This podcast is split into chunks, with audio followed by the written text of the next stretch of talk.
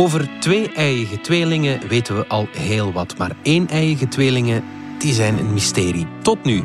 We vertellen ook hoe je je lichaam op een ethische manier kan verkopen voor bedrijfsvideo's, hoe je je eigen GPS-systeem opzet en waarom huisrobots nog niet voor morgen zijn. Het is vrijdag 8 oktober. Ik ben Alexander Lippenveld en van de Standaard is dit Bits en Atomen.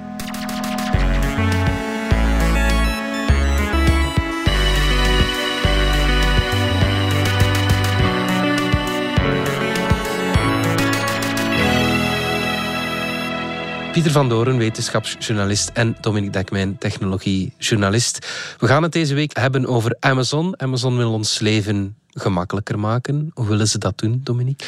Uh, Amazon heeft zo'n beetje enkele jaren geleden de leiding gepakt in wat we nu uh, het smart home noemen. Ja. Vroeger noemden we dat domotica. domotica ja. Alexa, slimme, dat is, uh, slimme, dat is, ja, Alexa inderdaad is de speaker. En ja, die gebruiken ze in de praktijk meestal gewoon om muziek op te zetten. dat was ook waar ik die, de mij, die van mij is dan een van Google, omdat die voor het Nederlands mm. werkt. Maar die slimme luidsprekers hebben we wel in huis gaan halen. Maar het idee een jaar of vijf geleden was, we gaan die gebruiken om alles aan te sturen. Hey. Have you heard about IKEA Home Smart? Om het licht aan te steken. Say hello to Echo Dot, a compact speaker that's controlled by your voice and Alexa. De, de verwarming een graadje ja. warmen. This is Nest Thermostat from Google al die producten bestaan intussen, maar die zitten allemaal in een apart ecosysteempje. En er komt een standaard aan die al die dingen gaat laten samenwerken. Die heet Matter. En dus ergens, zullen we maar zeggen volgend jaar, het blijft altijd maar een beetje uitgesteld worden, wordt het eindelijk zo dat die smart home spullen van al die verschillende fabrikanten echt zouden En dat die echt met elkaar gaan kunnen spreken. En, en dat je dat ook weet, dat het op de doos staat. Want enkele jaren lang was het echt een harde strijd tussen vooral dan Apple, uh, Google en Amazon om te zien wie de grootste mhm. heeft. En nu heeft men eruit gekomen van ja, eigenlijk hebben we elkaar in de voet geschoten. Ja. Want uiteindelijk is die markt niet echt volledig losgekomen. En een standaard kan daar iets aan helpen. Mm het andere probleem dat men heeft met smart home is dat we het niet echt goed vertrouwen. En dan mhm. gaat het over privacy, dan gaat mhm. het over het idee van, ja, maar uh, willen we wel een toestel met een microfoon in ons huis? Willen we wel een toestel met een camera in ons huis en een internetverbinding? Altijd het twee. En de volgende vraag, willen we wel een camera in ons huis van een groot bedrijf als Google of Facebook of Apple, die al heel veel over ons weten en die dan ja, met die camera nog meer over ons weten? Mhm. En dat probleem is nog niet opgelost. Mm. Wat ze meer en meer beginnen te doen, en dat is nog maar het begin, is dat ze zeggen van we gaan al die artificiële intelligentie niet meer ergens bij de servers van Amazon zetten, of van Google of van Apple. we gaan het meer en meer op toestel zelf doen. Ja. Dan moet je dus, wat je dan nodig hebt, is een bang te zijn. Voilà, minder. Dus dat wil zeggen, je praat tegen je slimme luidspreker en die slimme luidspreker verwerkt die boodschap zelf en antwoordt. We gaan naar toestellen die tenminste je informatie niet naar, naar buiten mhm. het internet sturen. Dat is een kwestie van vertrouwen over een flink stuk. Je kan zelf als gebruiker niet onmiddellijk zien wat er met gebeurt met wat je zegt tegen mhm. die microfoon of wat je zegt. Eh, Moeten die bedrijven daar dan niet gewoon transparanter over zijn? Misschien is dat wel de manier om vertrouwen te wekken. Wel, ja, ik, het, het, is puur een zaak van vertrouwen. Hè. Er gaan heel veel mensen zullen direct zeggen van ik wil geen camera van Google in mijn huis. Ah, maar, maar Apple, die vertrouw ik wel in ieder geval, ja, bedrijven moeten daar ja, zo transparant mogelijk over communiceren en moeten vertrouwen opbouwen. Ze moeten ons vertrouwen waard zijn. En bijkomend probleem is natuurlijk die toestellen die dan eigenlijk bedoeld zijn om je veiliger te maken, maak je het natuurlijk ook onveiliger, want ze plaatsen een camera in je huis met een internetverbinding.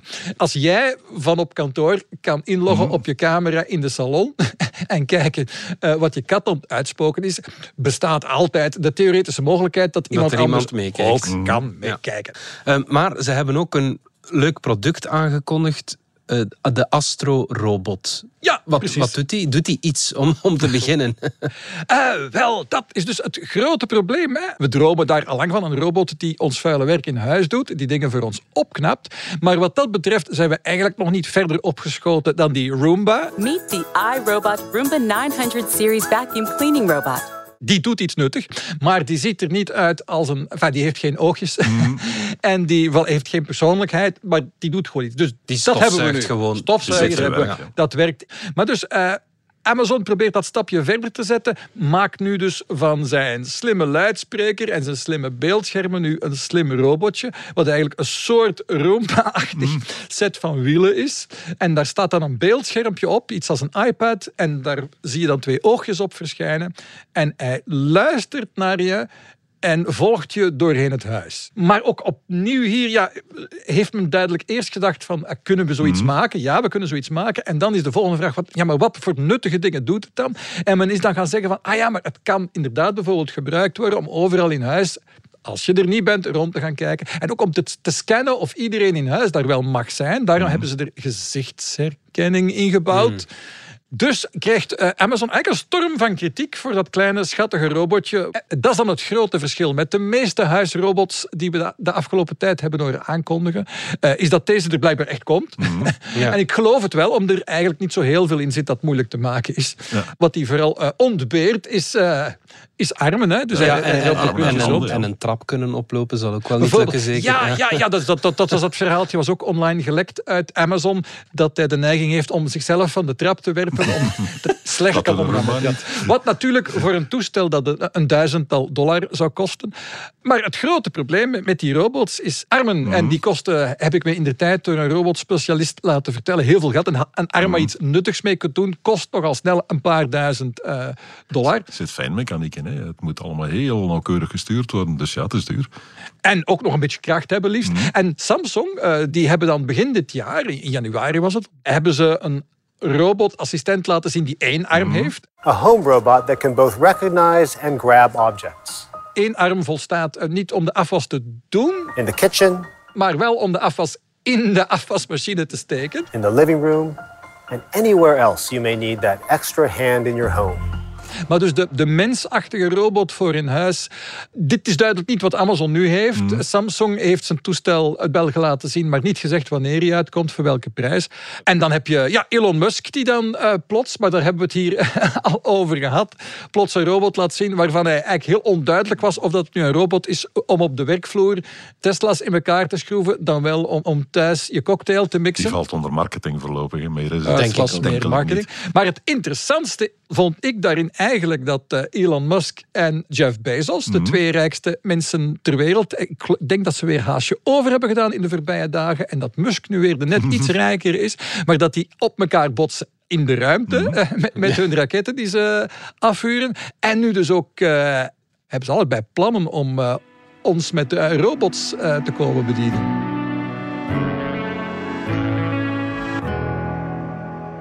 Pieter, we weten eindelijk wat er meespeelt bij het ontstaan van één eigen tweelingen. Ja. Vertel eens, dat is, ja, dat is een mysterie. Hè?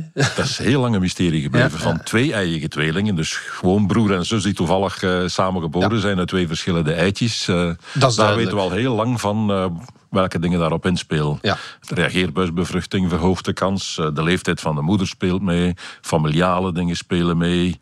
Op verschillende plaatsen op de wereld zitten daar verschillen in daar bestaat ideeën over waarom er meer of minder uh, twee eigen tweelingen zijn. Maar van één eigen is over de hele wereld het aantal hetzelfde. Ja. 0,3 à 0,4 procent. Okay. Overal, in welke omstandigheden dan ook. IVF maakt niet uit, wat dan ook, het maakt niet uit. Blijkbaar is het puur toeval. Af en toe, heel in het begin, als zo'n bevrucht eicelletje zich aan het delen is, bij de eerste delingen, breekt het in twee en heb je twee entiteiten die elk apart nog uh, hun weg gaan en je krijgt een tweeling. Ja. Toeval, ja. dachten we altijd. Mhm. Maar nu zijn er uh, Nederlandse onderzoekers die eens uh, dieper gaan kijken zijn. Die hebben van uh, 2000 Nederlandse tweelingen het DNA helemaal gesequenced. Dat is tegenwoordig niet meer moeilijk. Mm -hmm. Nu, in DNA zit geen enkel verschil. Okay. Er zijn geen genen die zeggen, jij hebt meer kans op een tweelingschap of een een-eigen tweelingschap. Okay, ja. Maar in wat men de epigenetica noemt, wat bovenop de genen ligt... Mm -hmm daar hebben ze wel een verschil gezien. Mhm. Epigenetica is iets waar de wetenschap nog uh, volop mee bezig is. Dan gaat het niet meer over het uh, gen zelf, de informatie, de, de tekst, de, mhm. de recepten. Maar gaat het over de manier waarop je ze kunt lezen of niet kunt lezen. Elke cel heeft een compleet set informatie over alles wat je hebt en wat je kunt. Ja. En zelfs als je man bent, heb je nog uh, vrouwelijke informatie zitten. In jouw uh, cellen zit ook de informatie van hoe jij als man vrouwelijke hormonen moet maken. Ah, ja, ja. Wordt alleen nooit gebruikt. Ja. En of het gebruikt wordt of niet, dat is die epigenetica. Je kunt van dat hele handboek kun je tekst gaan zwart maken, zeg maar. En dat is wat voortdurend gebeurt. Een eicel, een vruchten-eicel, heeft de hele tekst uh, beschikbaar. Maar na gelang cellen zich beginnen te specialiseren, vallen er hele vallen hoofdstukken weg, die ze nooit meer zullen gebruiken. En die dan ook zwart gemaakt worden. Ja. En in scheikundig is dat dan door er methylgroepen op te zetten. En als je nu gaat kijken bij één-eiige tweelingen, dan zie je dat er inderdaad een paar stukken tekst zijn die specifiek bij hen altijd in een zeer specifieke stand gezet worden door die uh, methylering. Ja. Op 834 plaatsen zijn één-eiige tweelingen afwijkend van andere tweelingen en van, noem het maar, gewone mensen. Ja. en wat ze niet verwacht hadden, bij dat onderzoek is gebleken dat heel veel mensen die alleen geboren zijn, gans in het begin een tweeling gehad hebben. Oké. Iets tussen zes en acht keer vaker dan er tweelingen geboren worden, okay. ontstaan er tweelingen in zo'n baarmoeder. Alleen de tweede helft uh, verdwijnt heel snel, uh, sterft af. Uh, Na wordt een aantal dagen misschien al. Dan. Na een aantal dagen, een aantal uren, misschien heel vroeg in de zwangerschap splitst zo'n bevrucht eitje in twee. Okay. Eén helft gaat door, de andere helft wordt opgeruimd. Ja. Dus je hebt nooit en geweten. Hoeveel je, keer meer? Zes tot acht zes keer tot meer? acht keer vaker dan dat er, twee dan dat er uiteindelijk geboren worden. Ja, ja. Dus de grote meerderheid van die tweelingen verdwijnt gewoon. Ja, ja. Dus een heleboel mensen zijn eigenlijk de helft van een tweeling, maar zullen het nooit weten.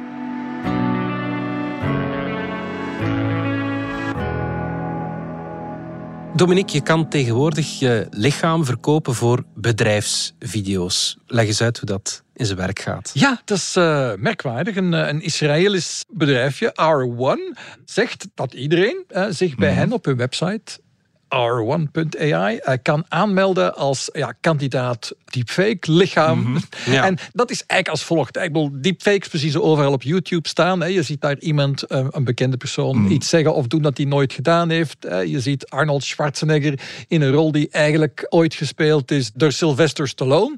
Dit gaat over iets heel veel saaier. Hè. Men heeft ontdekt dat men diezelfde technologie kan gebruiken, nuttig mm. en helemaal legaal ook nog eens. Hè. Rond, rond al die deepfakes had altijd een beetje een geurtje, maar nuttig gaan gebruiken om bedrijfsvideo's en educatieve video's te maken. Ja. Blijkbaar de Berlitz taalscholen Mhm. zouden, zouden klant zijn van dat bedrijf, R1. En die zouden dus uren en uren en uren en uren taallessen eigenlijk hebben omgezet in een vriendelijke meneer of mevrouw die het je vertelt op Mhm. video. En dat ziet er heel natuurlijk uit. Het enige... En zij moeten dan gewoon de tekst uploaden, op enter duwen wel en, ja, en dan blijkbaar, dat, zo makkelijk is het dus nu om een video te maken. Hè? Dus ik wil een video waarin iemand die er ongeveer zo... Ze hebben een bibliotheek van 50 gezichten. Dat zijn allemaal echte mensen. Ja. Hè? En jij kunt daar ook een van worden, Alexander.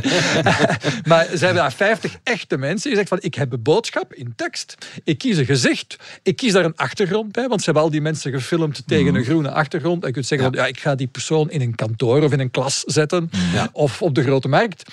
En als je op start drukt, effectief die video wordt gegenereerd. Eerst wordt die tekst voorgelezen door een computerstem. Vervolgens, en dan komt die deepfake technologie erin, gebruikt men een van die 50 modellen die ze al hebben ingescand en ze laten die persoon via de exact dezelfde techniek als al die deepfakes, hè, dat heet een Generative Adversarial Network, hè, om een bedrijfsvideo te maken met dus het, eh, het lichaam dat iemand te En beschikking kan je dan ook een, een, een stem kiezen, bijvoorbeeld? Wel ja, dus het, het, het gekke is natuurlijk, je kan dus de stem ook kiezen. En dat is dan ofwel een robotstem, en dan gaat het blijkbaar vol automatisch. Ofwel zeggen ze, ja, we laten dat Een door een, een professionele stemacteur inspreken. Maar dat is een andere acteur. Dat is Ja. niet de persoon die je ja. ziet. Ja. Maar het resultaat op de website, je kunt dat gaan bekijken, ziet er verbazend en natuurlijk uit. En je krijgt, als je je lichaam ter beschikking stelt, enkele euro's. Ze zeggen niet precies hoeveel per keer dat het gebruikt wordt. En Ja. zij beweren dat sommige mensen toch al enkele duizenden dollars of euro's hebben verdiend. Dus als je je lichaam ter beschikking stelt van R1, mag je niet bepalen eh, precies welke spotjes je wel en niet doet. Maar ze zeggen van ja, maar we, doen geen, eh, we zullen geen wapens doen. En Geen porno. en geen porno, geen Ja. politiek. Ik denk dat dat de belangrijkste waren. Maar je krijgt wel een beetje geld. Die Generative Adversarial Networks hebben echt een slechte naam gekregen. En ik denk dat we er de komende jaren eh, nog veel meer nuttige toepassingen van gaan zien.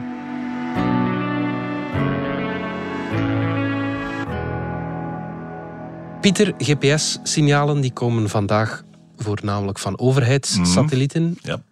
Maar er is nu een manier om dat zelf ook te gaan doen. Ja, mensen van de Universiteit van Ohio en van die van Californië hebben nu een eh, systeem bedacht waarmee je je GPS-gegevens gaat halen uit gewoon satellieten die daar boven rondvliegen. In dit geval de Starlink-satellieten van alweer Elon Musk. Vrij buiten op wat er al hangt of zoiets. Ja. ja.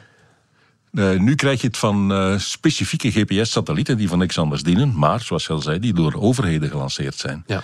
Vaak GPS, militaire toepassingen. GPS komt van het Amerikaanse leger. En het Amerikaanse leger heeft nog altijd de knop om waar en wanneer ze willen GPS af te zetten. Okay. Als zij ooit ergens een land binnenvallen, gegarandeerd dat alle GPS in het land weg is. Ah, ja. ja. dat was de reden ook, denk ik, dat Europa zijn eigen GPS-systeem Daarom wil dus Europa inderdaad zijn eigen GPS-systemen hebben. De Russen hebben GLONASS, de Japanners hebben er eentje, de Chinezen hebben er eentje, de Indiërs hebben er eentje. Mm -hmm.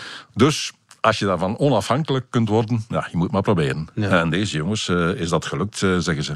Mm -hmm. Ze hebben van uh, de Starlink-satellieten gebruikt. Dat zijn die die Elon Musk lanceert om overal internet te hebben. Die ja. heeft er nu 1700 van die dingen hangen en hij gaat en mikt naar 40.000. Oké. Okay. Dus dat zijn er wel een aantal die dan over je hoofd passeren en waar je kunt naar kijken. Dat is voldoende om, om een GPS-netwerk Dat is voldoende. Ja. Bij GPS heb je al genoeg aan drie satellieten. Hier hadden ze toch zes nodig eer de gegevens uh, voldoende Met die drie satellieten, dat, dan bepaal je in een driehoek het punt ja, waar je bent. Dan doe je een driehoeksmeting en dan ja. bepaal je waar je bent. Ja, maar die satellieten hebben het voordeel dat ze jou heel exacte informatie geven over hun positie. Maar bij deze satellieten weet je alleen dat ze overvliegen en uh, de rest moet je zelf maar uitvogelen. En dat is wat deze mensen nu gedaan hebben. Ze zijn begonnen van een dienst die in de ruimte de posities van alles wat daar rondzweeft bijhoudt. Mm -hmm. Om te vermijden dat satellieten met elkaar botsen en zo. Die geeft één keer per dag de positie van uh, alles wat hier boven ons hoofd zweeft. Ja. Dus ze weten van al die Starlink-satellieten. Waar die op dit zijn. moment was hij daar. Ja. Dan gaan ze kijken, er vliegt er een over uit de Doppler-gegevens van het uh, signaal. Mm -hmm. Dus Doppler is dat, dat systeem van de sirene die ja. langskomt. Uh, wow, ja. Ja, dus daar kun je de snelheid van dat ding uit afleiden. Je weet waar die op een bepaald moment was. Je ziet zijn snelheid en dan kun je zeggen... als die met deze snelheid gevlogen heeft, dan moet hij daar zijn. Dus ik weet, hij is daar ongeveer. Nu, dat daar is dan nog heel ruim. Maar als je zo twee hebt die daar en ginder zijn. En je hebt er drie, daar, ginds en daar ook nog één. Op de duur, als je er maar genoeg hebt, ja. dan wordt jouw informatie steeds uh, fijner.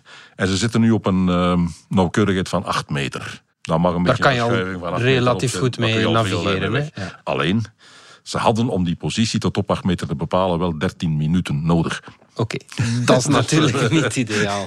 Daar, ja. uh, daar zijn ze nog niet. Dus voorlopig is het eigenlijk uh, spielerij. Ja. Maar natuurlijk, het is een leuk ding en het zal beter worden als Elon Musk meer satellieten lanceert en als hun technieken beter worden. Dus ja.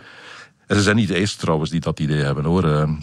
De Universiteit van Texas bijvoorbeeld, die hebben vorig jaar aangekondigd dat ze aan het werken zijn om ook met de satellieten van Musk trouwens, Mhm. mm -hmm. maar nu samen met het Amerikaans leger posities te bepalen. Het leuke is, die satellieten van Musk zelf, die weten tot op de centimeter waar ze zitten. Ja. Die gebruiken zelf GPS om hun eigen positie exact te bepalen. Alleen dat is informatie die jij als leek uit hun signaal niet kunt afleiden. Nee, nee. Ze hangen ook heel laag. Ik denk dat dat ook een belangrijk punt is. Ze hangen heel laag, dus ze zitten veel dichter bij jou. Dat is inderdaad gemakkelijker om ze hun signaal binnen te krijgen en om hun positie te meten. Zelf weten ze het. En deze jongens in Texas hebben nu geprobeerd, kunnen we uit die uh, satellieten van Musk toch niet die informatie lospeuteren over hun eigen positie. Dan moeten we al dat gedoe met Doppler en uh, schattingen ja. niet meer doen. Maar dat is bezig. Of het zal lukken is uh, wat anders. En opnieuw, het probleem is daar, je hangt weer af van de Amerikaanse militairen. Voilà. Je hebt dat uiteindelijk ja. GPS nodig. Amerikaanse militairen hebben ook al geprobeerd om vliegtuigen die heel hoog hangen, Mhm. mm -hmm. signalen te laten opvangen van gsm-masten. Ja. Van gsm-masten weet je precies waar ze staan. Ja. Als je die signalen opvangt en je gaat opnieuw kijken uh, hoe is dat signaal ten opzichte van uh, mijn positie, dan kun je daaruit weer gaan afrekenen waar, waar hang je ergens. Ja. Dus en dat uh, werkt tot op vijf meter. Ja, dat is al niet slecht. Dus er ja. zijn wel systemen die met dat soort dingen bezig zijn. Waar is die tijd van de goede oude landkaart?